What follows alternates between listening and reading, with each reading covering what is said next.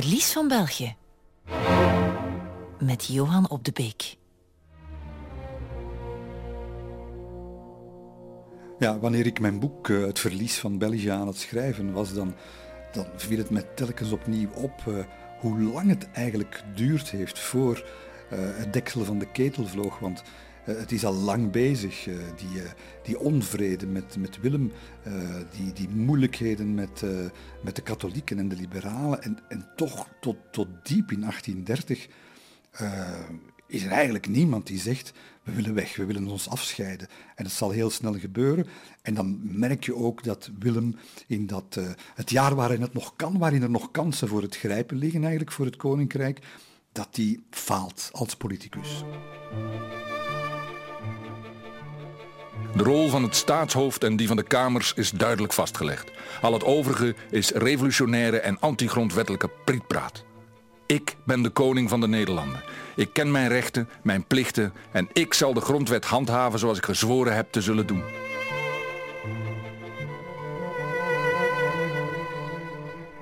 Terwijl Willem Brieste niet begrijpt waarom zijn onderdanen in België zo lastig zijn, uh, gaat, uh, gaat de oppositie verder en verder. En, en het is uiteindelijk weer de potter die vanuit zijn cel iets gaat schrijven wat, wat nu echt niet meer door de beugel kan. En hij schrijft uh, aan, rechtstreeks aan de koning voor het eerst. Uh, ten eerste heeft hij al geschreven, België moet los van Nederland. Dat is de eerste die dat zegt. Maar ten tweede zegt hij, u bent Sire niet de meester van de Belgen. U bent Sire niet de meester van de Belgen. U bent slechts de eerste onder hen, de meest verheven in rang en waardigheid. Maar u bent niet de meester van de staat. Maar u bent niet de meester van de staat. Wel, als, als Willem en, en Van Manen dat lezen, eh, wel, als het hun, hun, waardigheid het uh, zou hebben toegestaan, dan zouden ze de gordijnen zijn ingeklommen, natuurlijk. Hè. Uh, wel is het zo, we moeten opmerken, onze vriend de Potter die zwijgt hier nog altijd over de republiek, hè, waar hij eigenlijk naartoe wil, staat nog altijd nergens te lezen, maar... Maar het is voldoende hoor, wat, wat hij nu schrijft en wat, dat wordt overal overgenomen natuurlijk dat, dat kan niet meer. En, en, maar wat kunnen ze nog, Willem en Van Manen, tegen die rebel beginnen? Hij zit al in de gevangenis. En, en nu gaat er iets, uh, oh, iets losbarsten. Terwijl uh, het jaar 1830 stilletjes aan gaat beginnen en, en de Potter veruit de populairste man van België is, is geworden. Hè, want zijn naam wordt uitgesproken met, met groot respect hè, door, door, door alle mensen uh, van, van alle mogelijke gezindheden. Ook omdat hij heel slim zich ook met de gewone man nu begint bezig te houden. Die, die leidt onder de belastingen op het, op het uh, malen van het graan en het slachten. Dat kost de gewone mens werkelijk uh, heel veel geld en, en, en dat, dat leidt tot, tot grote problemen. En hij schrijft daar eigenlijk als een van de weinigen, schrijft daarover. En dat allemaal terwijl er ook in de Tweede Kamer nu eindelijk van de officiële, van de, van de Belgische officiële elite onder leiding van Charles de Broekère toch ook serieus aan de kar wordt getrokken hoor. Want uh, ze, laten het, uh, ze laten het tot stemmingen komen die nu beginnen, uh, ja, die rond, rond het budget draaien, de begroting. en, het, en ze halen het warempel, 55 tegen 52. Ze keuren het tienjarige staatsbudget bijvoorbeeld af. Dat is echt een schot voor de boeg van Willem. Maar het is nog altijd geen principieel verzet zoals de Potter dat bijvoorbeeld wel doet. En, en, en daar moet men een eind aan stellen. En in het hoofd van, uh, van die minister van Justitie, uh, Van Manen, begint nu een plan te broeien uh, om eindelijk komaf te maken met de, de, de belangrijkste kwelduivel van het regime van de Potter.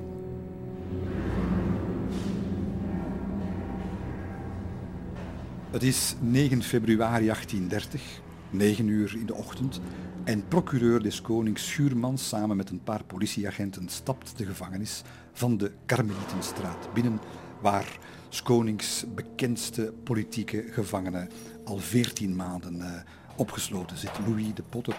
En hij laat zich naar de cel van uh, gevangenen de Potter brengen, sleutel in de celdeur. Alles wordt ondersteboven gehaald. Een huiszoeking. En dan gaat in, het cel, in de cel eh, elk boek, eh, elk briefje, het kleinste papiertje wordt in beslag genomen en voor verder onderzoek uh, meegenomen, want Van Manen is, wil alles lezen wat de Potter geschreven heeft aan zijn naaste politieke vrienden, zoals bijvoorbeeld uh, François Tielemans of Adolf Bartels en, en ook andere katholieken bijvoorbeeld ook. En, want hij is op zoek naar bewijzen van onwettige staatsvijandigheid. En hij wil eigenlijk de man die al in de gevangenis zit, opnieuw voor de rechtbank brengen, maar deze keer met een definitieve afrekening in het achterhoofd. En wat is die definitieve afrekening? Wel, de potter krijgt het via via te weten. Het zou wel eens de guillotine kunnen zijn. Uiteindelijk is Van Manen slim genoeg om te beseffen dat als hij de potter echt de doodstraf laat geven, dat dat, dat, dat wel eens slecht zou kunnen aflopen in, uh, in Brussel. En dus wordt het een, uh, een ander soort proces. Een veegteken aan de wand hoor, toch voor de potter. Want waar hij in zijn eerste proces, dat, dat was een dat was een show van, van, van vaderlandsliefde en van, van steunbetuigingen en, en zo verder. En nu weinig volk op straat. Eh, men laat dat zo wat eh, in, de, in mineur gebeuren, ook in de rechtszaal. Veel minder ambiance. Dat heeft bijvoorbeeld te maken met een aantal toegevingen die de koning intussen toch aan het doen is. Hij begint wat terug te krabbelen op de taalwetten. Uh, hij geeft, doet toegeving, uh, ouvertures richting katholieken, rond het onderwijs bijvoorbeeld. En, en, en het, is wat, het is wat stilgevallen. Die, uh, die revolutionaire, dat, dat elan is er wat, is er wat uit.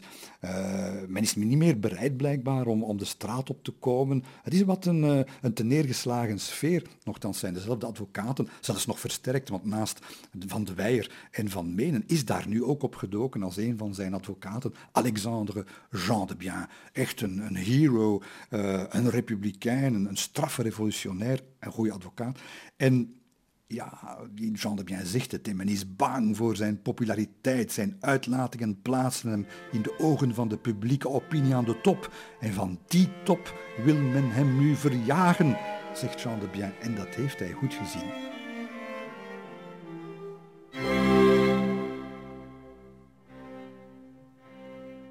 Jean de Bien heeft dat zeer goed gezien dat men definitief wil, uh, wil afrekenen met de man die, uh, te populair is geworden en te gevaarlijk.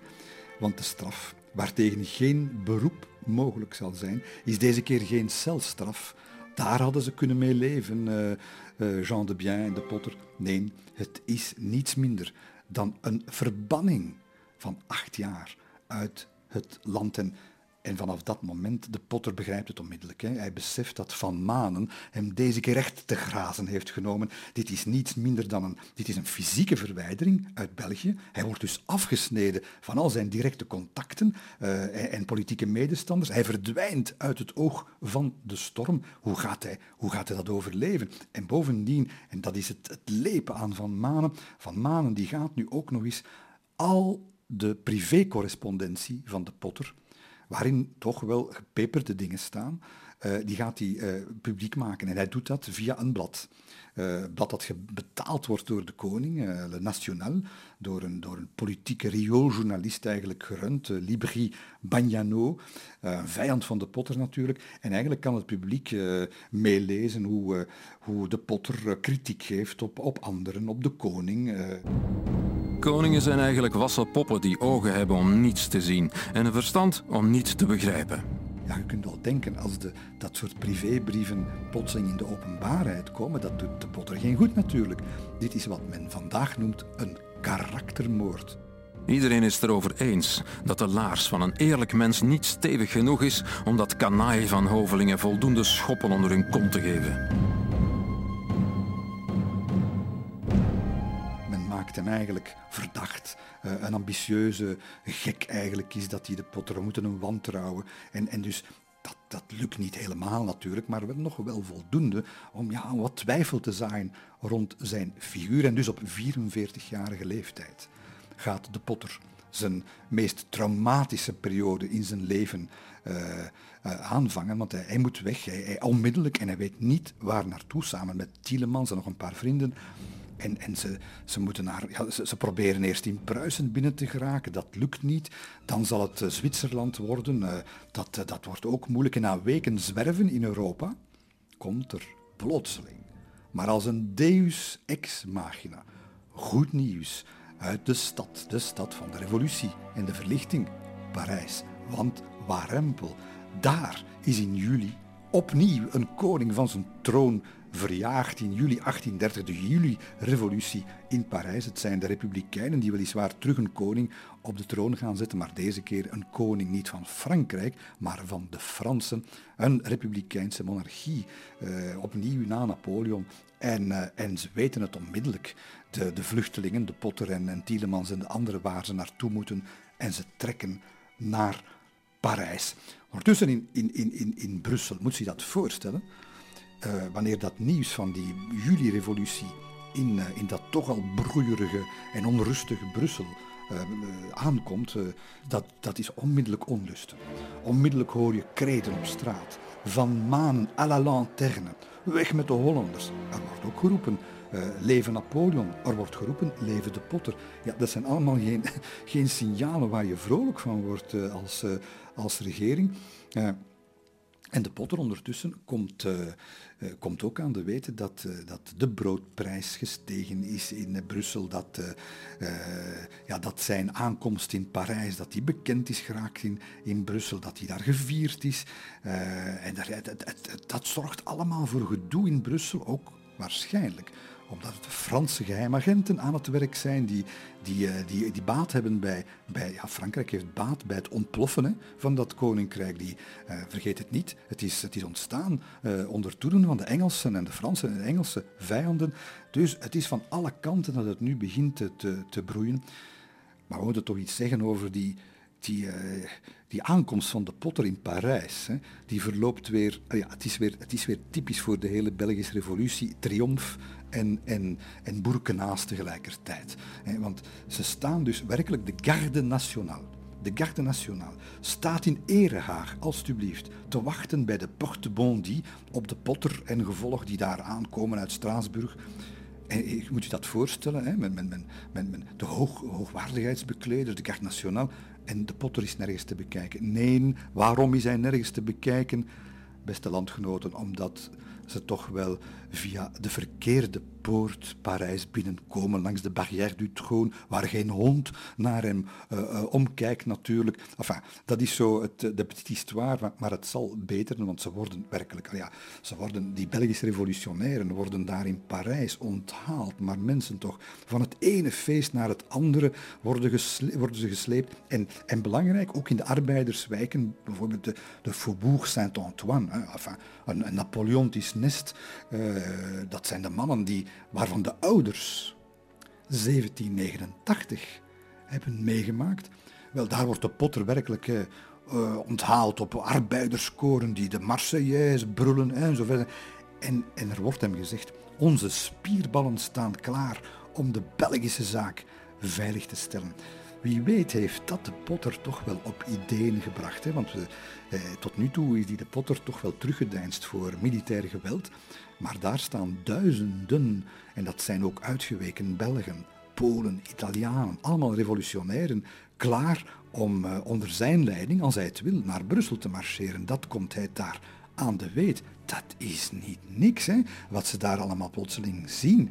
En dan, en dan wordt het 25 augustus 1830. We zullen zien hoe een belangrijke datum dat in Brussel zal worden, maar op hetzelfde moment een kippenvelmoment in Parijs. De potter wordt ontvangen door de 73-jarige marquise de Lafayette, het icoon van de Franse revolutie, uh, de generaal van de, van de Garde Nationale en waarschijnlijk nog, nog meer prestigieus dan de koning zelf. En, en de Belgen, ze, ze, ze, zijn ontroerd als ze die, die de Lafayette eindelijk de hand mogen, mogen schudden. En, en de Potter met van emotie overslaande stem, die, die zegt tegen Lafayette, de stem van Frankrijk wordt gehoord door heel Europa. En België zal de roep om vrijheid niet onbeantwoord laten. Dat zegt hij zonder te weten dat diezelfde avond in Brussel iets ongelooflijks gaat gebeuren.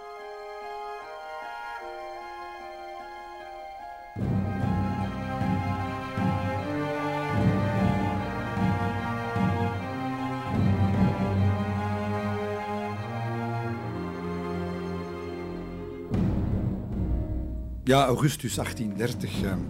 nog even erbij zeggen dat we een verschrikkelijke winter hebben gehad. Zo streng als men hem in jaren niet meer had meegemaakt. Honderd dagen vriezen, gewassen, tarwe, roggen, bevroren op de velden, kou, regen, voedselprijs die natuurlijk niet meer te betalen zijn. En naast al die natuurrampen is er nog iets anders aan de hand. Hè? Nijpende werkloosheid. Want de industrialisatie, eh, waar Willem eh, heeft toe bijgedragen, dat is een goede zaak, maar die, die zorgt voor jobverlies van vele, vele handarbeiders.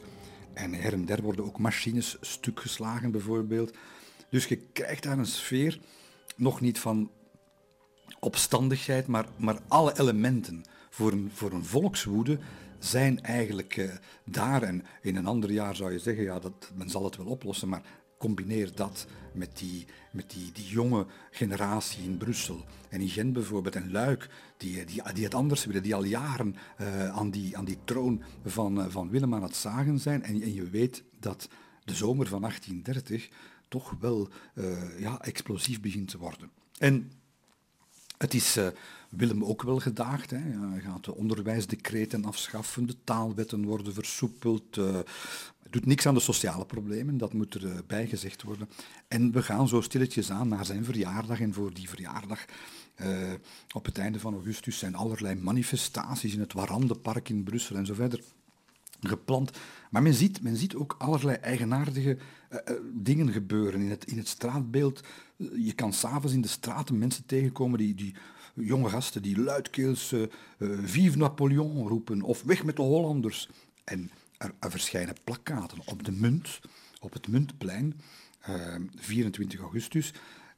staan er eigenaardig, bijna gecodeerde boodschappen te lezen. Bijvoorbeeld maandag vuurwerk, dinsdag verlichting. Hetzelfde in Luik trouwens. Uh, Merde pour le roi, vive la, la, liberté, vive de Potter, staat er allerlei signalen. En je, je, je, je voelt ook bij de, de bewindsvoerders dat die, die, die, die voelen iets, maar het is los zand dat door hun, dat door hun vingers uh, glipt. En, het is uiteindelijk de Brusselse uh, politiecommissaris, de Knijf, die, ja, die voelt een bui hangen. Want die avond gaat de première uh, in gang van, uh, van een uh, opera. La Muette de Portichy. stormachtig spektakelstuk dat in Parijs de harten al in vervoering heeft gebracht. Waarom? Wel, dat is een, dat stuk gaat eigenlijk over de opstand van een, de onderdrukte Napolitanen tegen de koning van Spanje. Ja, dat is natuurlijk zo herkenbaar als wat, zeker in, in, in, Brussel. En, en het is zo, zelfs zo, de regering heeft daar in Parijs al een stuk gelaten aanbreien, letterlijk aan La Muette de Portici, om, omdat ze op het einde van, van dat stuk ontplofte de zaal werkelijk. En, en ze hebben aan de librettist gevraagd, schrijf er nog wat achter zo, dat, dat, dat ze wat kalmeren. Helpt allemaal niet natuurlijk, want, want de mensen wachten niet eens op het einde, stormen de zaal uit, wanneer, wanneer de grote aria wordt, uh, wordt gezongen. En, en ja, de knijf, onze politiecommissaris, die, die, die weet dat.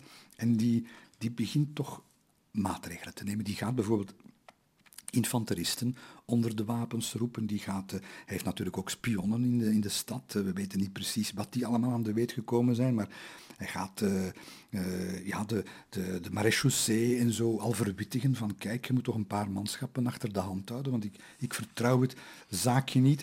En dat wordt op hoger niveau ook besproken. Men, zegt, men vraagt zich af, zouden we die opera niet moeten verbieden? Want, want Parijs, kijk eens wat er al gebeurd is en, en, en ja, je krijgt toch iets explosiefs. En ja, men zegt, ja, maar het is toch wel ter ere van de, van de, hè, de, verjaardag van de koning. En, en, en als we het gaan verbieden, en dat, ja, je kan daar iets voor zeggen, als je het gaat verbieden, dan wordt het misschien nog erger. Dus men doet niks. En zo kan het dus gebeuren, dat uh, dat controversiële stuk uh, toch wordt opgevoerd. En uh, Jean-François Lafeuillade, de Franse tenor, uh, ongehinderd aan zijn rol als rebellenleider kan beginnen. En om tien uur s'avonds aan de climax kan beginnen ten overstaan van een tot de nok gevulde muntschouwburg, waar tussen haakjes ook allerlei geheimagenten klaarstaan om, om in te grijpen, maar ze gaan geen schijn van kans hebben tegen wat zich gaat afspelen. Want in het publiek zitten, zitten heel veel jonge mensen, scholieren, maar ook Fransen, die een republikeinse kokarde dragen op de, op de, op de jas gespeld. En dus met een, met een ongelooflijk gevoel voor, voor timing en dramatiek, zoals een goede operazanger dat kan, zal La Feuillade, die fameuze aria inzetten. L'amour sacré de la patrie. Een stem, een stem die in normale omstandigheden al mensen tot tranen kan bewegen. Maar die stem zingt nu ook een, een tekst die de politiek verhitte gemoederen in Brussel gaan begeesteren.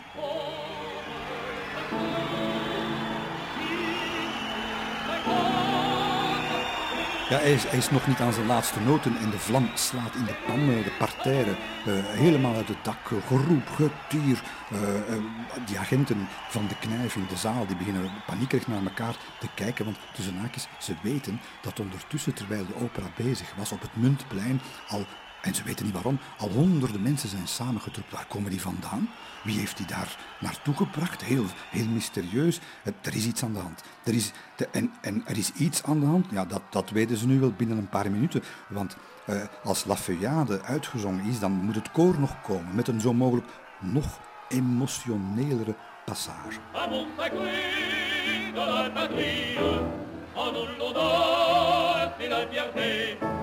À mon pays, je dois la vie, il me devra la liberté, amour sacré,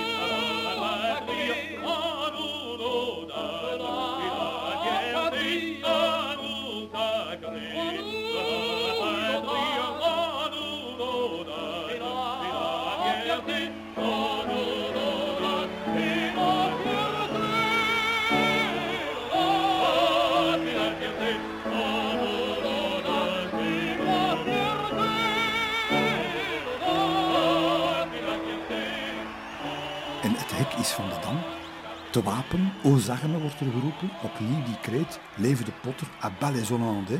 En in een mum van tijd loopt dat daar uit de hand. En, en dat hele muntplein in rep en roer, honderden mensen. En dan, heel eigenaardig, roepen er een paar Au National, Au National. En dat, die National is dus dat, dat blad gefinancierd door koning Willem. Blad dat de potter heeft aangevallen.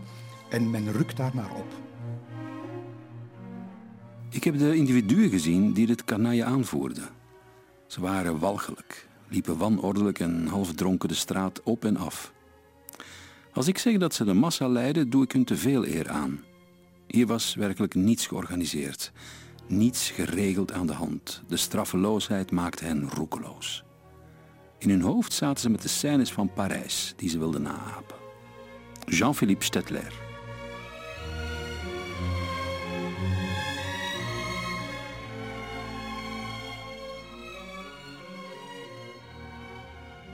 Men, men, zoekt de Wolfengrachtstraat op, waar, uh, waar de, de, redactielokalen zijn van de Nationaal. Uh, ja, men, men, vindt daar niet blijkbaar wat men zoekt. En, opnieuw wordt er geroepen, we gaan naar de Magdalena-straat, waar de privéwoning is van die Libri Bagnano, die hoofdredacteur, betaald door koning Willem. En men, men trekt daar naartoe. Ondertussen zijn er al andere mensen in die stoet. En die worden, die worden aangevuld door door ja, argeloze feestgangers uh, voor die verjaardag die in de binnenstad wat, wat rondkuieren. En, in een mum van tijd heb je daar dus enkele duizenden ja, enthousiasten. En, en hoe gaat dat met een, met, een, met een betoging die uit de hand loopt? Dat zie je op televisie. En, en dat gebeurt ook hier. Van die 50 soldaten en al die gendarmes die de knijfde de dag ervoor had besteld om, hè, er moest iets gebeuren, geen spoor te bekennen. De ordediensten blinken uit in, uh, in afwezigheid. En het gebeurt dat in die Magdalenastraat, dat huis van Libri Bagnano tot maar van onder tot boven wordt, uh, wordt leeggeplunderd, inboedel op straat. En in de beste traditie van, de, van het... Uh, het komt recht uit het handboek van de revolutie gaat niet alleen het huis van Libri Bagnano eraan geloven, maar procureur Schuurmans, het, symbool van, van de Nederlandse justitie in Brussel, wel, die krijgt de schok van zijn leven. wanneer hij die nacht zijn eigen woning opzoekt. Ik keerde naar huis terug om mijn vrouw te gaan bedaren. Maar goeie god. Mijn huis was in de tussentijd ook aangerand en gedeeltelijk geplunderd. Grote schade is me toegebracht. 40 tot 50 straatstenen werden door mijn ramen gegooid. Onze meubels zijn vernield en een groot gordijn van het salon is gestolen. Bovendien trof ik mijn huishouden aan in een beklagenswaardige staat. Alle remmen gaan los. Uh, alle koninklijke symbolen en insignes van de muren gerukt. Er wordt een kruidmagazijn en een wapenhandel uh, helemaal leeg gehaald. Je kunt dat allemaal geen spontane volkswoede noemen, daar zit systematiek in. Uh, en dan rond drie uur s'nachts gaat een aanval plaats hebben van een ongelooflijke symbolische waarde. Want het doelwit nu is niks minder dan de Karmelietenstraat, waar de woning ligt van de gehate figuur van het regime, minister van Manen. Om drie uur s'nachts, vlammen door het dak en de brandweer komt daar ter plaatse, wordt belet om te, om, om, om te blussen. En, en de, de, woning van Cornelis van Manen, minister van Justitie en na de koning, de belangrijkste figuur van, van, van, van, het, van, van het koninkrijk, brandt die nacht, 25 augustus, af zoals hij zelf achteraf verneemt, tot op anderhalve meter manshoogte in het midden van Brussel.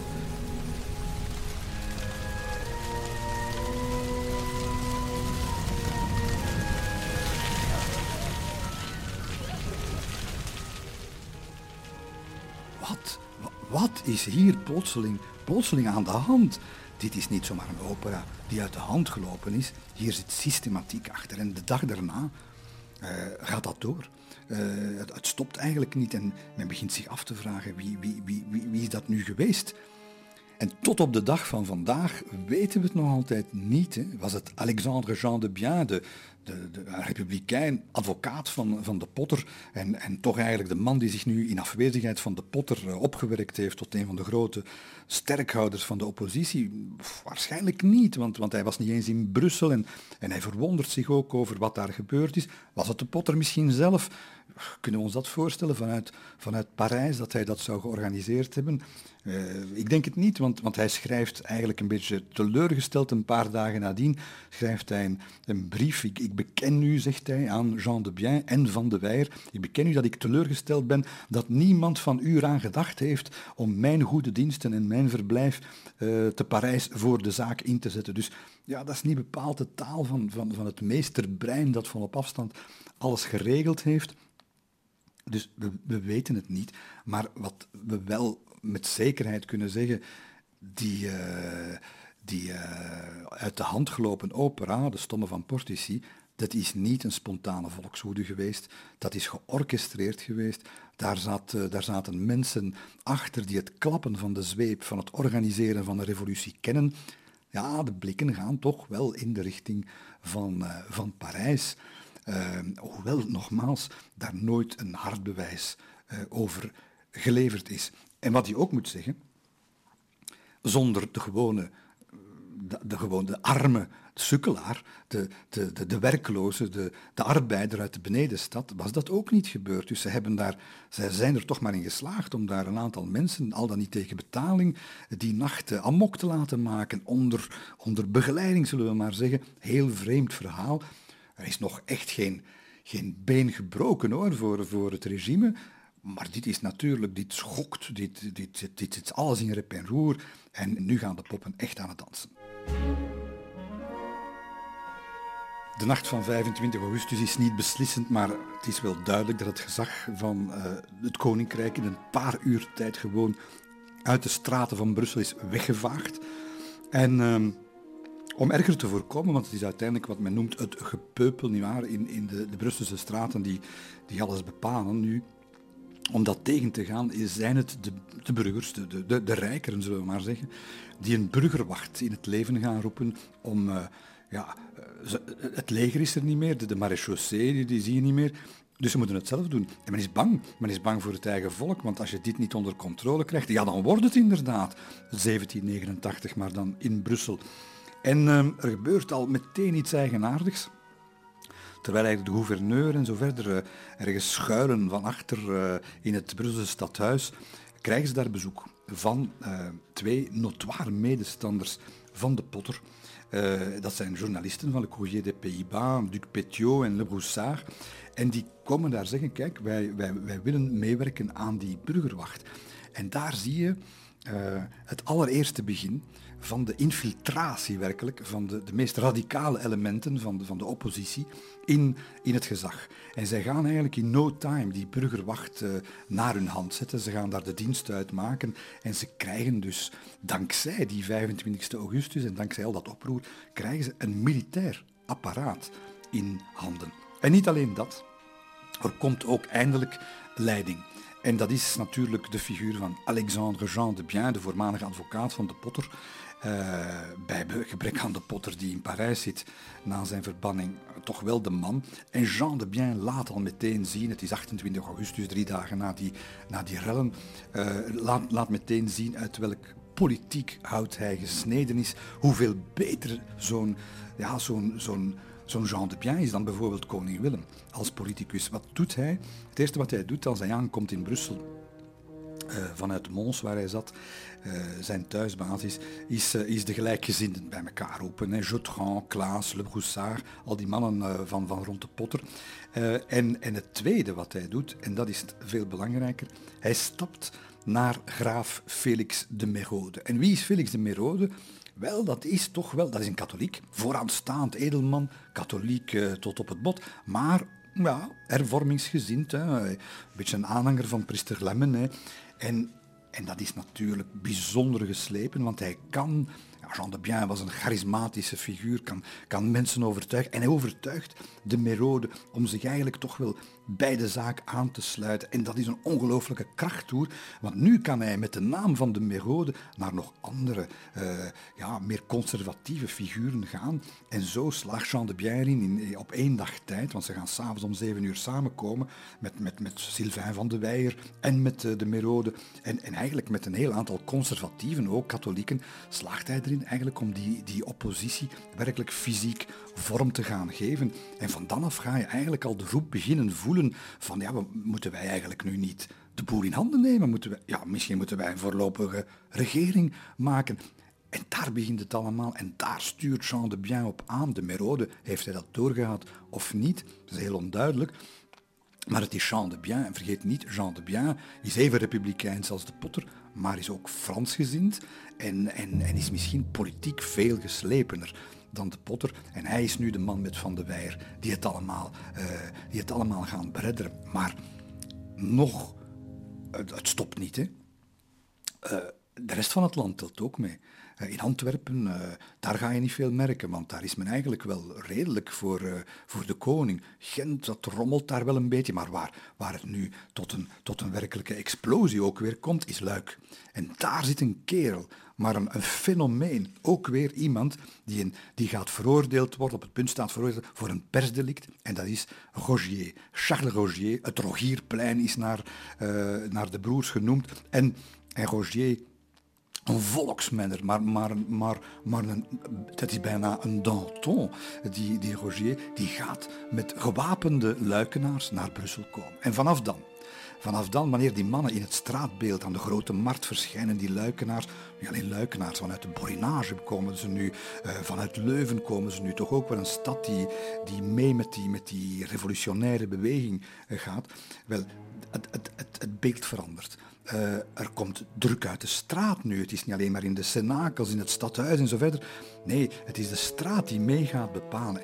En het is Duc Petiot, ah, dus een journalist van de Courrier des Pays-Bas en medestander van de Potter, die komt op een idee, moeten wij geen eigen vlag hebben? Ja, natuurlijk. En samen met Jotran, eh, een Waal, maar die een Waal die trouwens later flamingant zal worden, gaan, ze, gaan ze een vlag bedenken. En dat wordt, ja, dat wordt een, een driekleur.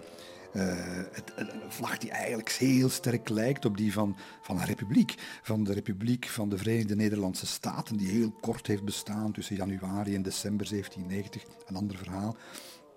Maar dat is zwart, geel en onderaan rood niet uh, zoals we ze vandaag kennen, hè, verticaal, maar horizontaal.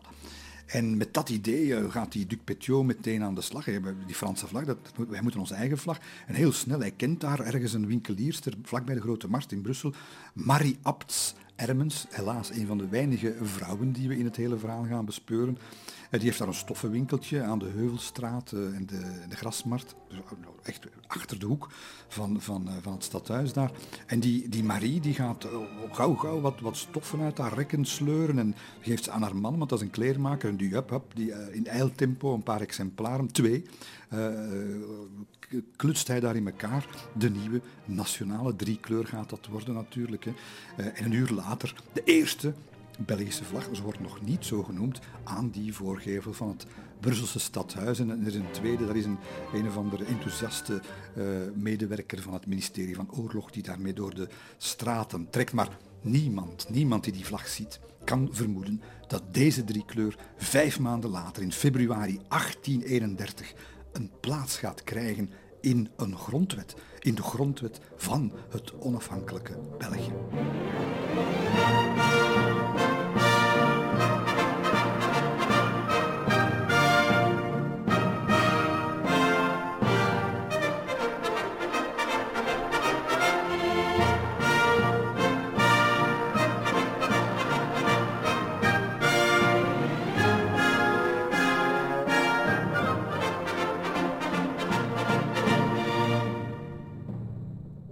Eind augustus, ja, dit kan zo niet blijven duren en er gaat een afvaardiging van Brussel, maar ook van Luik, naar Paleis Noordeinde in Den Haag om door de koning ontvangen te worden.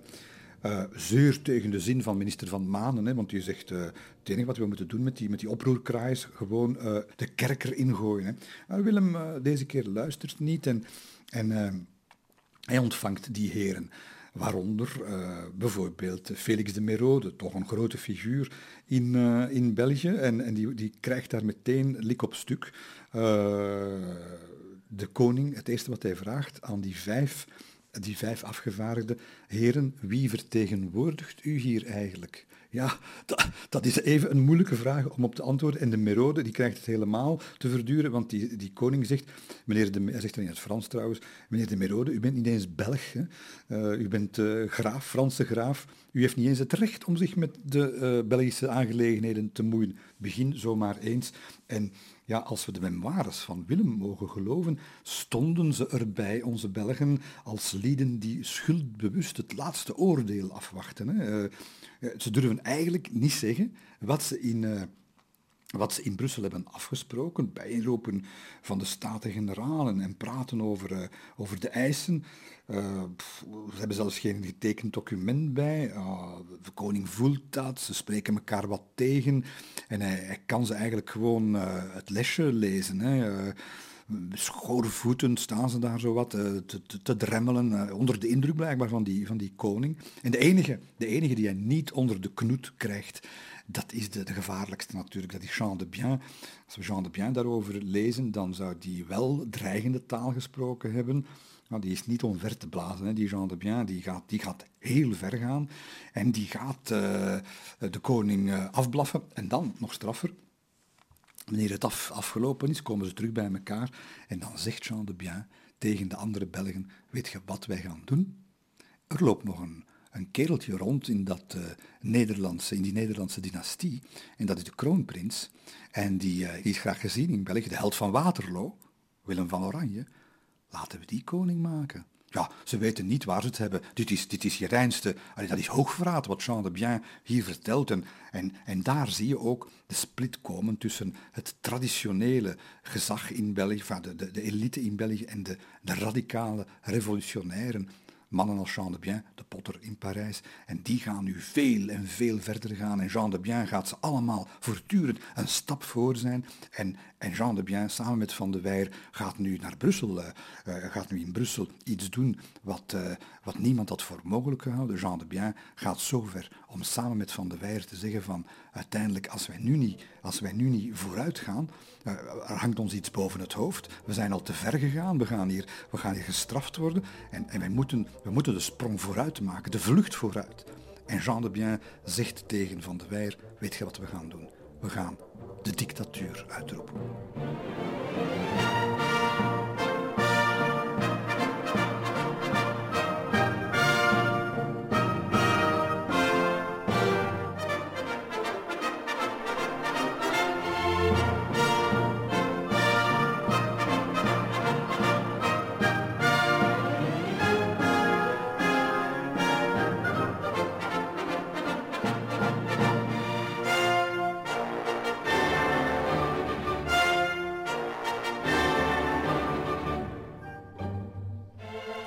Het gaat allemaal heel snel. Tegelijkertijd gebeuren er dingen in, in Den Haag en natuurlijk in Brussel. Dat radicaliseert met het uur. Uh, en het is uiteindelijk uh, de beslissing in Den Haag om de kroonprins Willem naar Brussel te sturen. Om, uh, ja, om wat te doen? is het om militair te gaan optreden of is het om, om te praten? En uiteindelijk zal, zal het praten worden. Willem gaat, gaat zich daar niet de meest doortastende tonen. En ze komen, ze komen uiteindelijk tot, tot bij Brussel, trouwens, met, met, een, met, eh, een groot, eh, met een serieus leger bij zich. En hij laat dat leger achter. En hij, hij geeft uh, al een eerste keer toe daardoor natuurlijk. En hij, uh, hij, stemt erin toe om naar Brussel te komen. Maar, zegt hij, op voorwaarde dat al die, die drie kleuren daar, dat moet weg. Ik wil alleen oranje zien en, en ja, het, moet, het, ja, het gezag moet erkend worden. En... Oh, men, men zegt daar niet ja of niet nee op, maar het is niet in een goede sfeer natuurlijk dat dat gaat gebeuren. Je kunt het u voorstellen, als zij daar om één uur s middags bij de Lakense Poort uh, Brussel binnenrijdt, hij wordt dan nog begeleid door een handjevol officieren, uh, dan staan ze daar. De, burgerwacht die ondertussen het voor het zeggen heeft in, uh, in Brussel, in het zwart gekleed, ordelijk, respectvol. maar dan de slagers met de hakbijlen op, op hun schouders, sommigen nog met het bloed van de ochtendslacht op hun kleren. Is dat, uh, is, dat, is dat misschien een boodschap? Denken die Hollanders op hun, op hun hooggezeten paarden daar? Uh, daarachter boeren met rieken, met de punt, zo uitdagend in de lucht. En, en, en de kroonprins zal het later beschrijven. Hij zal zeggen, het was een vreselijk spektakel. Wij voelden ons bedreigd door dat volkje, slagers onder het bloed en zo verder. Kunnen u voorstellen, de geschokte monseigneur. Maar niet te onderschatten. Willem is een, is, ja, Willem is een moedig man. Hè. Hij heeft dat getoond in Waterloo en hij gaat dat nu ook tonen.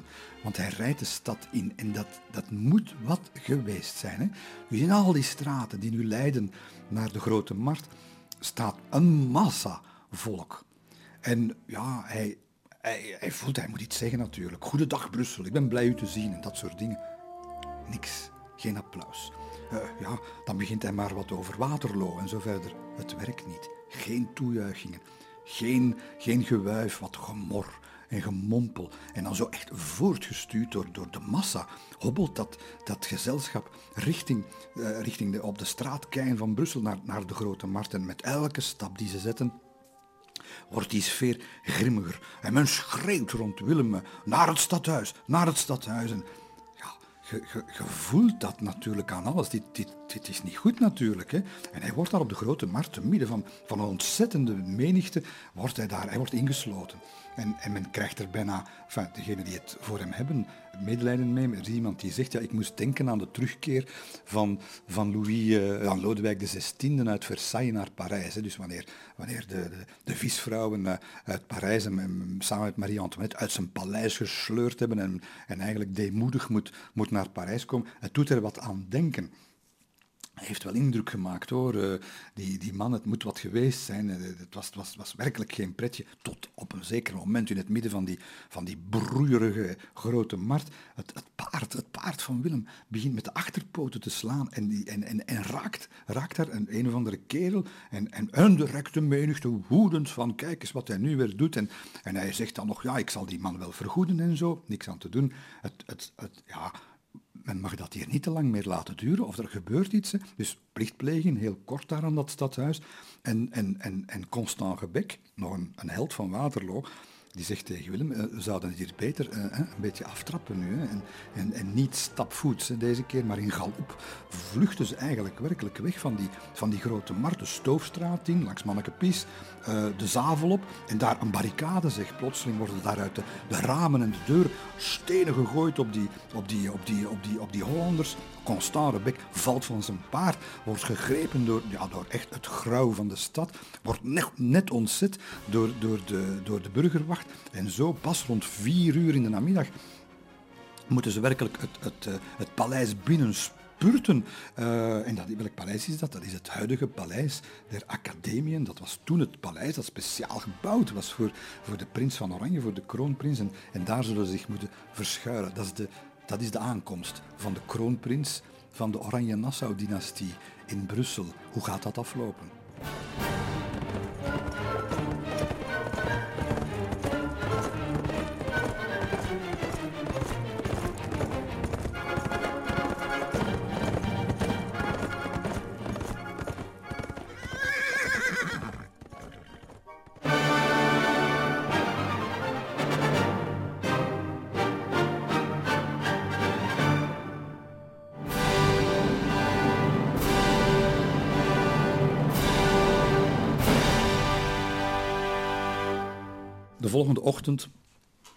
Je kunt je al voorstellen wat voor slaap die, die Willem moet gehad hebben. Maar de volgende ochtend is het Jean de Bien, die uh, ondertussen uit Den Haag is teruggekeerd. En die onmiddellijk de kroonprins opzoekt. Twee kennen elkaar. Het zijn allebei vrijmetselaars van dezelfde obedientie, L'Espérance, Brussel. En, uh, en uiteraard ontvangt, ontvangt hij. Hij is, hij is, zijn stem breekt van emotie van de kroonprins. Je hebt mij verraden, maar ik had mij moeten zeggen wat mij hier te wachten stond. Jean de Bien, gepokt en gemazeld, alsof hij al honderd jaar in de politiek zit, met een uitgestreken gelaat, direct ter zake. En die zegt, blufte, hij zegt, of jullie het nu willen of niet, revolutie gaat je aan uw been hebben, zegt hij, en u kunt maar beter meedoen. Die, die prins, de onderlip begint te trillen, die ogen die moeten wijd open gesperd gestaan hebben, eh, want wat dan nog komt, wat Jean de Bien dan uit zijn hoed tovert, daar heb je helemaal niet van terug. Uh, hij zegt, uh, de kroonprins, u dus, uh, zou beter koning worden van een afgescheiden België. en na, u, na, de, na de dood van uw vader, later kunt je dan misschien ook nog de kroon van het noorden dragen. Ja, dit is gewoon... Dat hij dat durft zeggen, Jean de Bien, hij moet geweten hebben dat, dat hij hier de doodstraf riskeert met zoiets te zeggen. De prins, die weet niet wat hij hoort, die durft, durft nog niet, nog niet tegen zijn vader ingaan. En hij zegt daar, hij zegt daar nee op. Maar het is in die sfeer dat, uh, dat er onderhandelingen beginnen. En, uh, en, met de druk van de straat uh, achter, achter zich gaat de prins enorme toegevingen doen en iets op papier laten zetten. niet alleen met Jean de Bien daarbij en Van de Weijer daarbij, die eigenlijk toch wel de architect was van alles achter de schermen, maar ook met, de, ja, met, met echt eminente vertegenwoordigers van het regime uh, daar in Brussel. En ze gaan iets op papier zetten wat, wat, wat de koning, als hij het gaat lezen, uit zijn dak gaat jagen.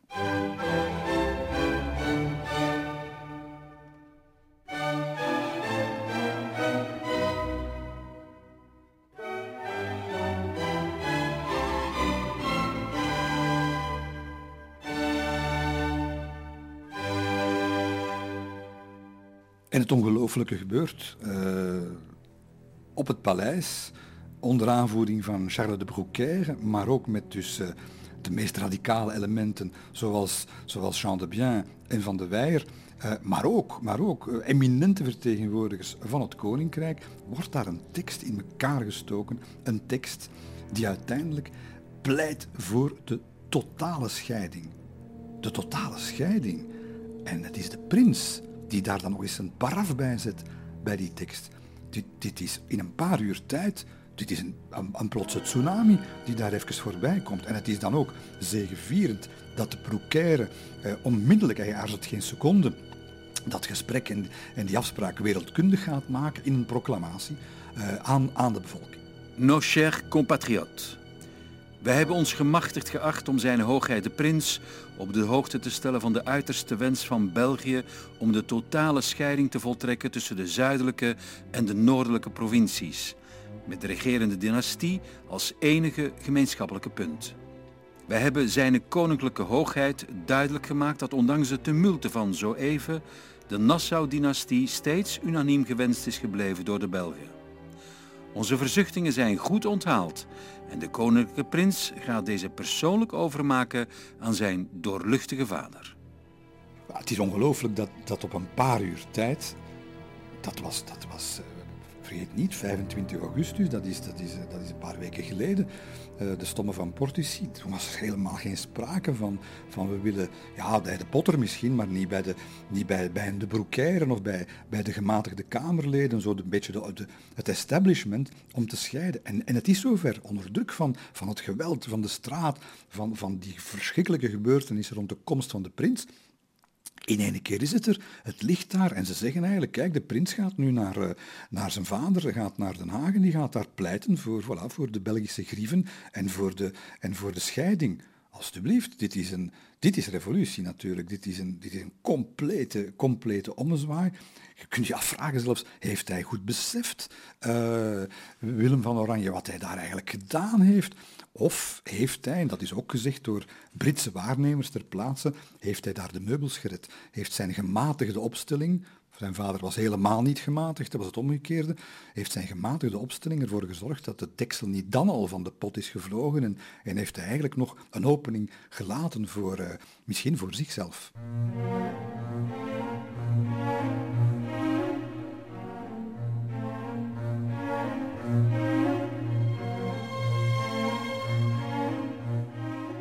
En er is nog iets natuurlijk wat opvalt uh, wanneer de, de, prins uiteindelijk uh, Brussel verlaat en het leger ook weer wegtrekt. Uh, en met, met, met, niks bereikt, alleen maar een enorme toegeving.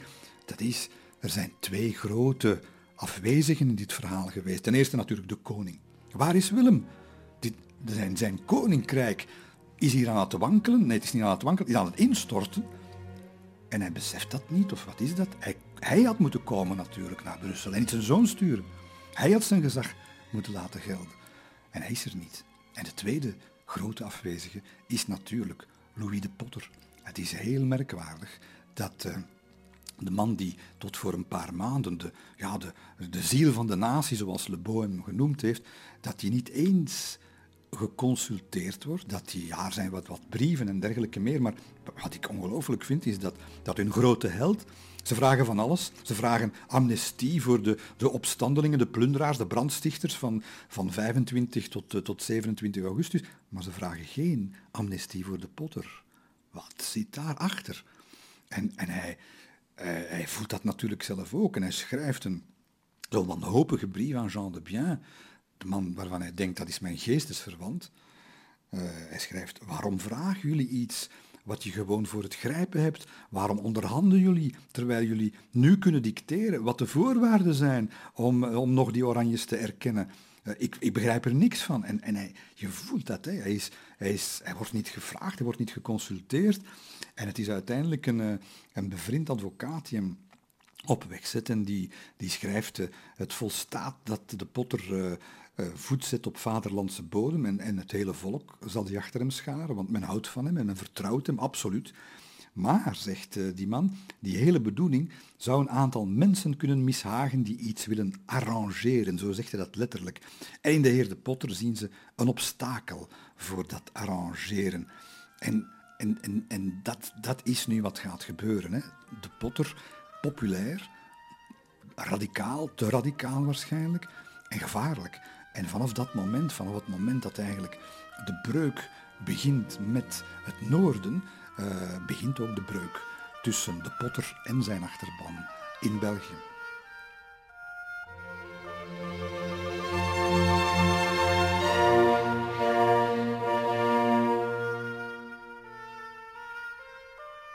Dus de potter uh, aan de kant een beetje en en waarom wel Jean de Bien, die, die is republikein, net zoals de Potter, maar die, die weegt de kansen af. En wil hij die republiek wel, uh, is het niet beter om gewoon eerst te zorgen dat België onafhankelijk wordt?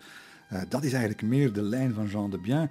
En, en je kunt denken dat hij de Potter begint, begint te vrezen ook, want die is populair.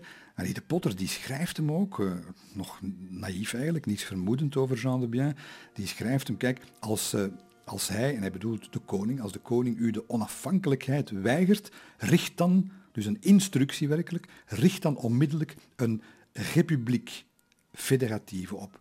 Richt de republiek op. Dus dat is nu de eerste keer dat uh, de Potter het, het, hoge woord eruit gooit. Hè. het is niet alleen een onafhankelijk België. Het is niet alleen loskomen van dat Verenigd Koninkrijk. Nee, nee, wij moeten eigenlijk naar Frans voorbeeld, naar het voorbeeld van de verlichtingen, de Franse Revolutie, een republiek hebben. Dat is nog heel wat anders natuurlijk dan, uh, dan uh, de afscheuring. Afscheuring is op zich natuurlijk al, al een aardverschuiving, maar nu ook nog eens een, ja, een, een democratisch regime gaan instellen. Uh, hola, denkt Jean de Bien, is, dat geen, is dat geen brug te ver? En, vanaf dat moment zie je de, de breuk groeien tussen die, uh, die twee, uh, die twee ja, grote revolutionairen. De ene veel politiek beslagener dan de andere. En, en de Potter vooral hij kan er niet bij, hij zit niet in het oog van de storm, hij zit in Parijs en, en het glipt hem uit handen.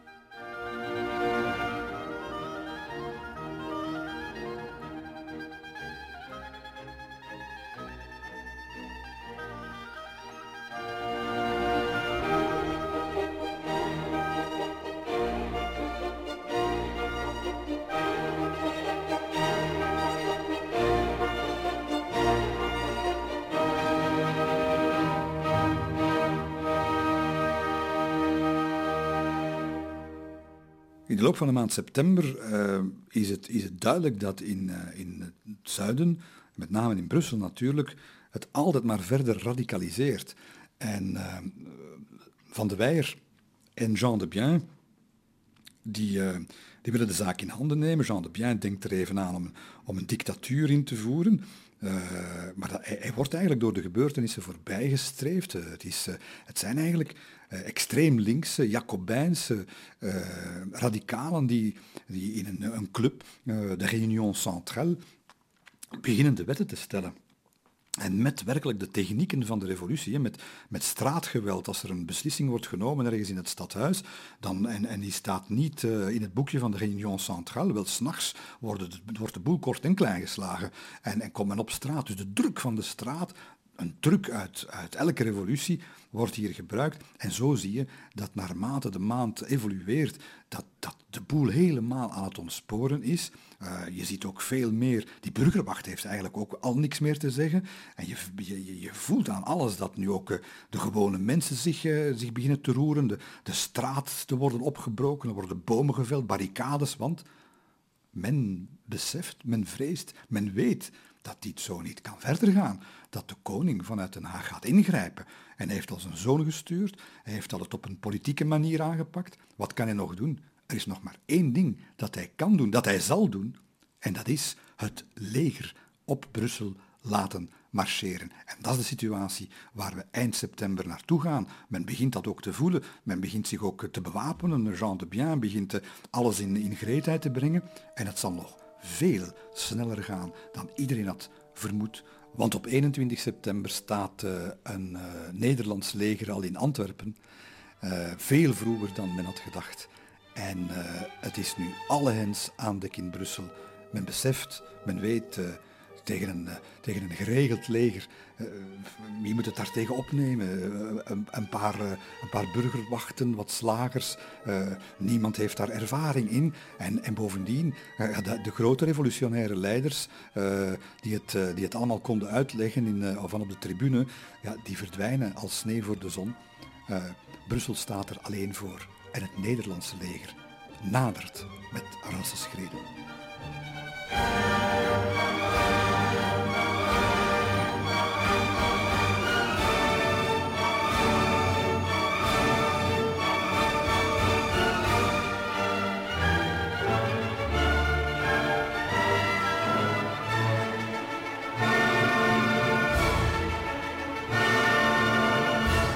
Het verlies van België.